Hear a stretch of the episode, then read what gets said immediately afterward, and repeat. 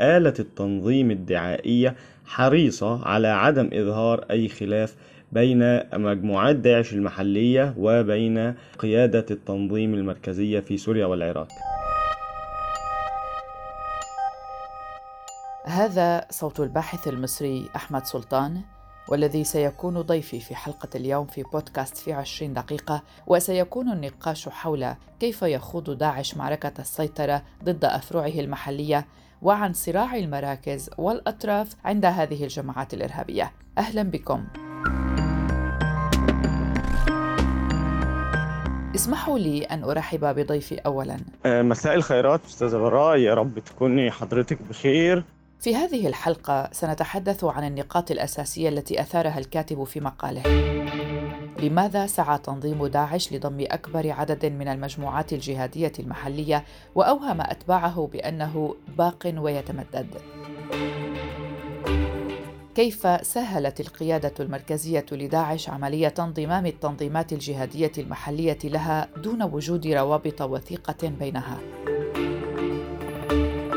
لماذا تسعى القيادة المركزية لداعش لفرض رؤيتها الخاصة على الأفرع الخارجية مع أن استراتيجيتها المعولمة تتعارض مع استراتيجيات المجموعات المحلية؟ ماذا تكشف المراسلات الداخلية بين داعش وأفرعه المحلية؟ ولماذا يواجه داعش مقاومة متفاوتة من الأفرع المحلية؟ المقال كما ذكرت في بداية الحلقة عنوانه هو داعش ضد داعش. صراع القيادة المركزية ضد قادة الأفرع المحلية. تنظيم يحرق أتباعه للحفاظ على شعار جهادي.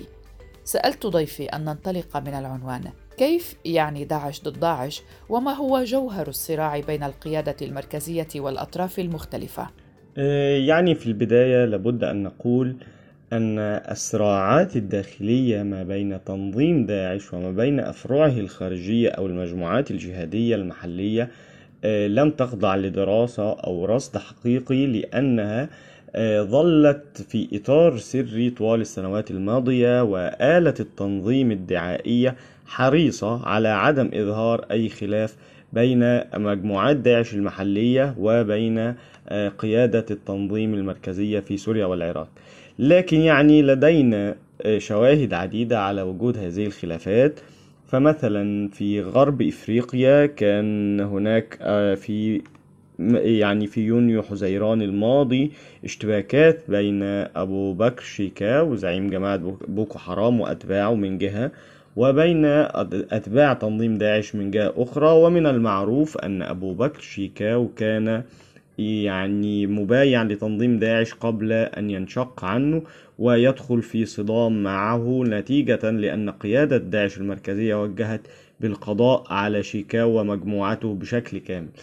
وهذا في الحقيقة يعني يكشف عن وجود رؤية لدى القيادة المركزية بعدم السماح لأي فرد أو قيادي داخل المجموعات الخارجية لداعش بأن يظهر أو يكون له تأثير على القرار الذي تمليه القيادة المركزية.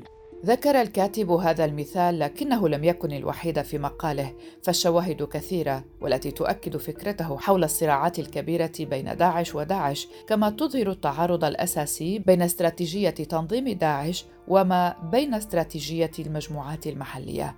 وهذا ما بدأ به الكاتب مقاله عندما تحدث عن خلاف بمدينة درنا الليبية بين القيادة المركزية لداعش والتي تتمثل بأمراء عراقيين مفوضين في المناطق أو الأفرع الداعشية وبين الأتباع الليبيين للتنظيم. سيحكي لنا هنا الكاتب التفاصيل. صحيفة النبأ في العدد 24 آه، تحدثت عن آه، أبو المغيرة القحطاني أو أبو نبيل الأنباري وهو زعيم سابق لفرع التنظيم في ليبيا. آه، وكان يلقب بالأمير المفوض لإدارة الولايات الداعشية في ليبيا. آه، ويعني قالت أنه لما وصل إلى ليبيا جمع أتباع الليبيين وقال لهم إننا لا يجب أن لا يجب أن نسمح لأتباع تنظيم القاعدة ولا مسلحي القبائل ولا أي من المجموعات الموجودة في ليبيا. أن تعيش بيننا بأمان ولا بد أن نقتلهم ونعلن أننا نحن من نقتلهم. حتى يعم الرعب ويعم الفزع بينهم. فرد عليه أحد أتباعه بالطبع يعني قال لو قاتلناهم سنخرج من المدينة ببساطة يعني من مدينة درنا كان يقصد. آه، لكن القحطاني كان مصمما على آه، رأيه وعلى التوجيهات التي كانت لديه من القيادة المركزية لتنظيم داعش آه، وقال لأتباعه أولا سقوط المدن مع بقاء الولاء والبراء كما يقول يعني بتعبيره خير من بقاء المدن مع سقوط الولاء والبراء. وبعد فترة قليلة جدا اندلع القتال الواسع ما بين تنظيم القاعدة ومجلس شورى درنا من ناحية وبين تنظيم داعش وأسفر هذا القتال عن خروج تنظيم داعش من مدينة درنا الليبية. وعندما خرج تنظيم مدينة درنا الليبية لاحقا نجح في إقامة ولاية في سرت. وعندما أقام ما يسمى بالولاية المكانية في سرت ودعا جميع أتباعه أن يسافروا وينضموا إلى التنظيم في داخل يعني في داخل سرت ويمكثوا هناك ولا يخرجوا منها بأي حال من الأحوال. وبالفعل جمع التنظيم آلافا من المقاتلين وأسرهم وأطفالهم ووضعهم في داخل مدينة سر وجاءت عملية قوات البنيان المرصوص لتطرد التنظيم من المدينة فقتل عدد كبير جدا من هؤلاء المقاتلين واعتقلت أسرهم وأودعت السجون الليبية. وبعد ذلك حدث أن انتقدت المجموعات التابعة لداعش الاستراتيجية التي أملاها التنظيم آه، عليهم آه، والتي فرضت عليهم التحصن في داخل المدينة والتخلي عن أسلوب حرب العصابات سألت ضيفي إلى ماذا تعزو هذا الصراع وكيف تترجم فشل داعش هناك؟ يعني وجدنا العديد من الكتابات على وسائل التواصل الاجتماعي أذكر أن أحد الأتباع داعش البارزين كان يدعى كارا مصطفى وهو مصري وكان له ارتباط بالفرع الليبي في تنظيم داعش. آه، قال إن آه، التنظيم في ليبيا لم يكن لديه السلاح الموجود لدى التنظيم في العراق وسوريا وطبيعة الأرض في في ليبيا مختلفة عن طبيعة الأرض في العراق وطبيعة الأرض في سوريا. ولم يكن من الحكمة أن يبقى التنظيم مسيطرا على سرت. و... وأن يقاتل حتى الرمق الأخير كان يفترض أن تكون المعارك بأسلوب الكر والفر لكن بالطبع لا تستمع قيادة داعش لهذا. قيادة داعش المركزية تحرص على السيطرة على الأفرع الخارجية ولا, تت... ولا تسمح لهذه الأفرع الخارجية بممارسة أو بإدراك ذاتها بشكل مستقل عن التنظيم العام. القيادة الجديدة القادمة من العراق فرضت نهجا متشددا في التعامل مع أهالي المدينة الليبية وصارت الإعدامات الوحشية وعملية الجلد وقطع الأيدي وغيرها. صارت كلها مشاهد مألوفة للسكان المحليين الذين فوجئوا بتشكيلات جهادية جديدة بخلاف المقاتلين الليبيين الذين خبروهم جيدا. هذه التشكيلات الجهادية الجديدة كان قوامها من المقاتلين الأجانب الذين كانوا غرباء عن المنطقة بشكل كامل. في حين كانت المجموعات المحلية التي بايعت تنظيم داعش تتبع نهجا متانيا وتسعى لكسب ولاء المجتمع القبلي المحلي وعدم إثارة النزاعات معه في داخل مدينة سرت الساحلية التي تحولت لأبرز معاقل التنظيم خارج العراق وسوريا. بالإضافة إلى الاستراتيجية القاعدية والخبرة البعثية. لدينا أيضا تأكيد على أن تفكير داعش الحالي تفكير قيادة داعش الحالي هو شبيه إلى حد كبير بتفكير القيادة البعثية العراقية السابقة ممثلة في رموز وقيادات جيش صدام حسين. و هذه الطريقة تستمد يعني منهجية التعامل مع الأفرع الخارجية من آه، المفاهيم العسكرية التي درستها وتربت عليها داخل الجيش والاستخبارات العراقية فهي لديها مفهوم القيادة والسيطرة بالصورة الشاملة على الأفرع الخارجية وبالتالي لا تقبل أن تتحرك المجموعات التابعة لها دون تنسيق أو إشراف من العراق وسوريا. سألت ضيفي هنا لماذا إذا سعى تنظيم داعش لضم أكبر عدد من المجموعات الجهادية المحلية وأوهم أتباعه بأنه باق ويتمدد وهل يعتبر نفسه نجح في ذلك؟ يعني التنظيم يجب أن نقول أنه يحاول على مدار السنوات القليلة الماضية في إظهار نفسه بمظهر التنظيم القوي خاصة بعد خسائره وسقوط الخلافة المكانية في العراق وسوريا وسقوط آخر معقله في قرية الباغوز في مارس 2019 التنظيم منذ ذلك الحين حاول الاستثمار يعني في العلامة الجهادية آه، القائمة على شعار الباقية وتتمدد. فقبل بيعة مجموعات جهادية محلية في الكونغو وفي موزمبيق وفي بورما وفي غيرها من الدول لكي يظهر للعالم آه، أنه تنظيم قوي ولديه امتدادات خارجية. وهذه الامتدادات الخارجية يعني تحقق ضمانة البقاء والتمدد لتنظيم داعش. إذا بينما نجح التنظيم بشكل لافت في الاستثمار في علامته الجهادية المعولمة وترويج شعاره القائم على مفهوم البقاء والتمدد عبر استقطاب وتوظيف المجموعات الجهادية المحلية في أفريقيا وآسيا عانى داعش من الصراعات الداخلية بين القيادة المركزية المتمركزة في العراق وسوريا وبين القادة المحليين المسؤولين عن الأفرع الخارجية له. لدينا بالتأكيد إشارات عديدة على أن هذا التمدد الداعشي المفرد هو تمدد محفوف بالمخاطر كما سميته آه، لأن المجموعات المحلية لديها أهدافها ولديها طموحاتها ولديها البيئات التي تنشط فيها بينما قيادة داعش المركزية لديها رؤية موحدة تسعى لتطبيقها في جميع المناطق التي تنشط فيها فهي تقوم على فكرة العداء مع الجميع هي لا تريد تحييد أي عدو تريد استعداء القاعدة واستعداء الجيوش الوطنية واستعداء القبائل المحلية وتعتقد أنها ستنتصر في النهاية لأنها تنطلق من طريقة تفكير أن إذا عادت العالم كلها العالم كله ففي النهاية سيكون آه، سينزل عليها النصر الإلهي وتنتصر وتقيم الخلافة التي لا تسقط حتى نهاية الزمان.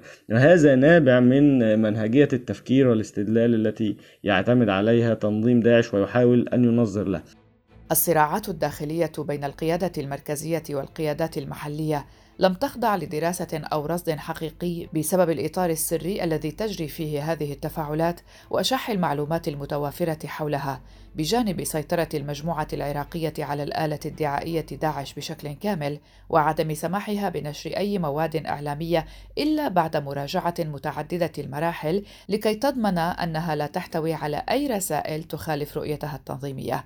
كما عملت قيادة داعش على إحكام قبضتها على الأفرع الخارجية عبر إنشاء القيادات الإقليمية وإيفاد مبعوثين عراقيين لها وتكليفهم بقيادة تلك الأفرع والإشراف على المجموعات الأخرى التي تنشط في نطاقها الجغرافي.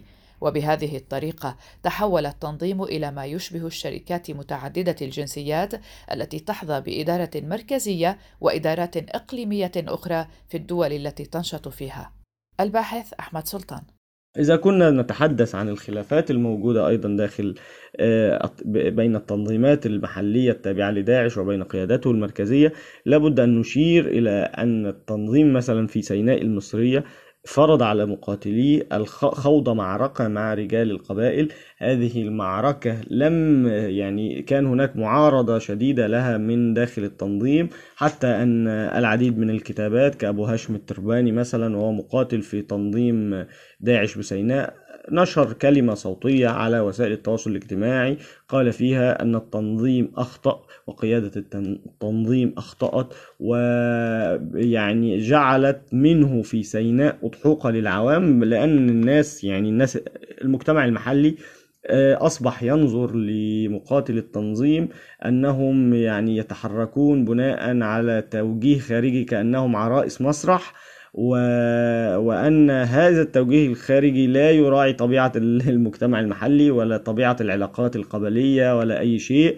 آه، فمثلا كان في فترة من الفترات التنظيم يمتدح رجال القبائل ويقول أنهم أهل النصرة والسبق وبعد لحظات قليلة وأيام قليلة قال إنهم مرتدين وصحوات مستقبلية يعني تشبيها لهم بمشروع الصحوة العشائرية. التي يعني كانت في العراق وقضت على تنظيم القاعدة الذي يمثل نواة آه، تنظيم داعش.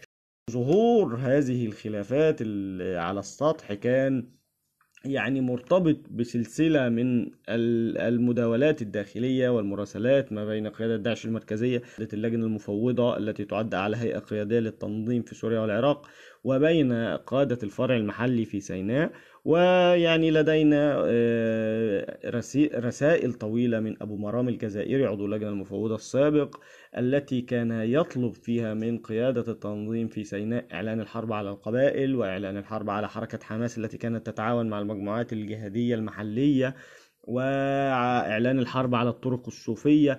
يعني كما قلنا هو يتحرك بمفهوم العداء والحرب مع الجميع.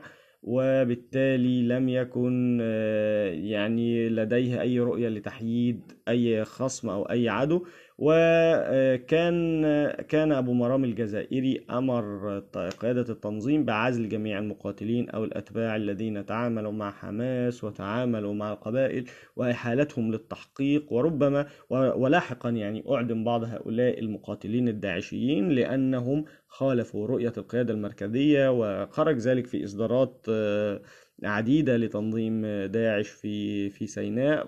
فيعني كان التنظيم في البداية ينقل السلاح لحركة حماس ويحصل منها أيضا على سلاح ويتعاون معها بعد ذلك أعلن الحرب على حماس وفقا لتوجيهات القيادة المركزية وأعدم مقاتليه لأنهم تعاونوا مع حماس أو لأنهم تواصلوا مع مقاتلين من كتائب القسام الجناح العسكري لحركة حماس.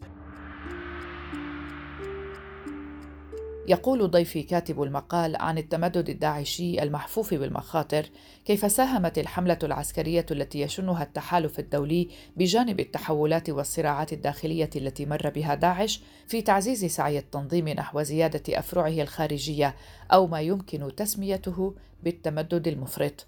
وطرح الكاتب هنا أمثلة كيف أعلن التنظيم أن مجموعات التمرد المحلية كالقوات الديمقراطية المتحالفة التي تنشط في الكونغو وحركة الشباب الموزمبيقية التي تنشط في شمال البلاد هي مجموعات تابعة له مضيفا أنها تندرج ضمن ما يسمى بولاية وسط إفريقيا. وبدا حينئذ أن التنظيم سهل شروط الانضمام إليه وتغاضى عن التعقيدات والاشتراطات التي كان يفرضها سابقا على المجموعات المحلية لقبول بيعتها له. فبعد تجاهله لفرع الصحراء الكبرى بإمارة أبو الوليد الصحراوي حوالي أربع سنوات، أعلن التنظيم في غضون شهر واحد من سقوط آخر معاقله في سوريا في مارس آذار 2019 أعلن أنه قبل بيعة الصحراوي وصارت مجموعته الجهادية وغيرها مندرجة ضمن ولاية وسط إفريقيا سالفة الذكر. واستهدف التنظيم تحقيق عدة مكاسب من الخطوة السابقة منها كسب الزخم الدعائي وإبراز شبكته العالمية المكونة بالأساس من مجموعات جهادية محلية محسوبة عليه حتى دون وجود روابط قوية وثيقة بين القيادة المركزية للتنظيم وتلك المجموعات. كما أجرى داعش عملية إعادة هيكلة داخلية منذ انهيار خلافته المكانية في 2019 وأعاد تقسيم أفرعه الخارجية ولاياته الأمنية كما يطلق عليها لتصبح 15 ولاية العراق، سوريا، اليمن، سيناء، ليبيا، الصومال، غرب إفريقيا، وسط إفريقيا، شرق آسيا، خراسان، الهند، باكستان والقوقاز. وأخيرا تركيا التي تعد ولاية لوجستية للتنظيم فضلا عن وجود مجموعات تابعة للتنظيم في تونس التي لا يطلق عليها ولاية رسمية حتى الآن. داعش لم ينتهي فعليا إلى اللا رجعه لكن لماذا كل المؤشرات تقول بأنه لن ينجح في التمدد مجددا؟ ماذا يقول هنا ضيفي الباحث المصري أحمد سلطان؟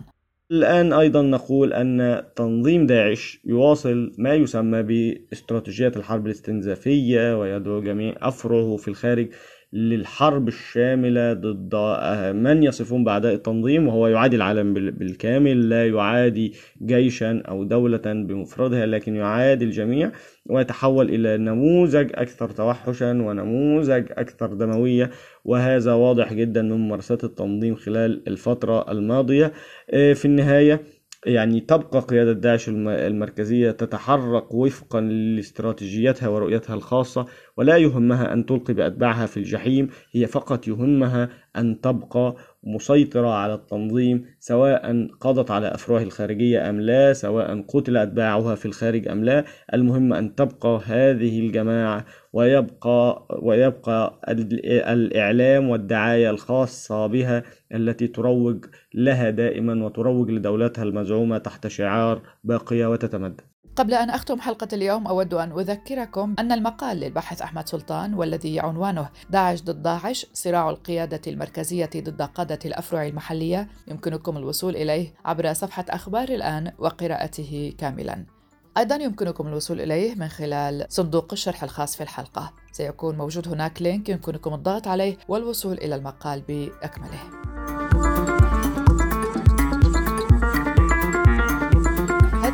حلقة جديدة من بودكاست في 20 دقيقة. كنت معكم براء صليبي شكرا لحسن الاستماع. إلى اللقاء.